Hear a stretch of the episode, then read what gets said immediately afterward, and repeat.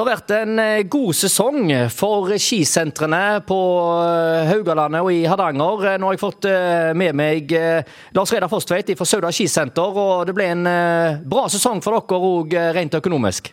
Ja, det ble en veldig bra sesong. Litt trå start i januar, men så kom det til de grader. og det ser jo ut som det er den beste sesongen vi har hatt noensinne, så det var veldig kjekt. Etter noen magre år så endelig ser er vi i gang igjen og på, og folk viser at de ønsker fremdeles å stå på ski. Så dette var en veldig, veldig kjekk sesong.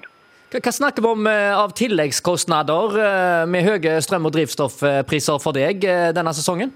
Nei, vi har, har, ikke sett helt på det helt ennå, for vi driver og avslutter sesongregnskapet. Det er jo 50-60% høyere strømutgifter i hvert fall enn hva vi har hatt tidligere. Det er jeg helt overbevist.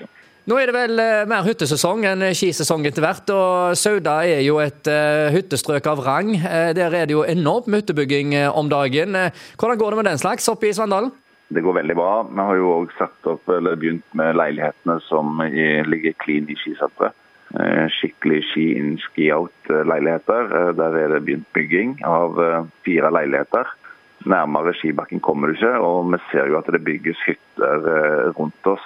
Så det er veldig stor aktivitet i Sauda for tida. Vi er nettopp ferdig med Sauda-dagene, som må være tidenes beste Sauda-dager òg, med masse besøk. og Da ser vi òg at eh, de som har hytter og tilreisende er veldig flinke å besøke Sauda. og Det betyr jo igjen at eh, det er masse folk som er både ute på dagtid og kveldstid, og det har vært eh, fantastiske dager for Saudalagerne.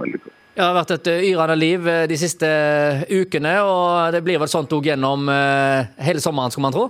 Vi håper jo det. Nå har de jo åpna nasjonal turistvei over eller Saudafjellet. Og vi håper og tror at det kommer masse turister den veien òg. Ja, det sier altså Lars Reidar Fostveit ved Sauda skisenter.